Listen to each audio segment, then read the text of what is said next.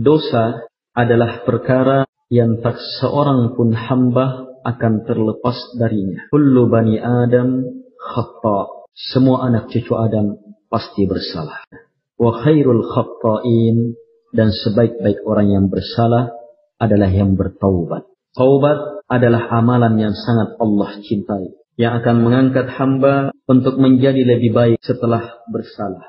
Taubat adalah ibadah yang mampu mendatangkan kebahagiaan Allah yang sangat hebat. Wallahu asyaddu faraha bitobati abdi. Ingatlah ini untuk memberi kekuatan kita dalam bertobat kepada Allah Subhanahu wa taala. Sesali dosa itu. Bertobat kepada Allah. Kalau terjatuh, wujudkan tobat lagi. Terjatuh, wujudkan tobat lagi. Selama kita mau bertobat, Allah Subhanahu wa taala pasti Maha memberi ampun, pasti Maha memberi ampunan.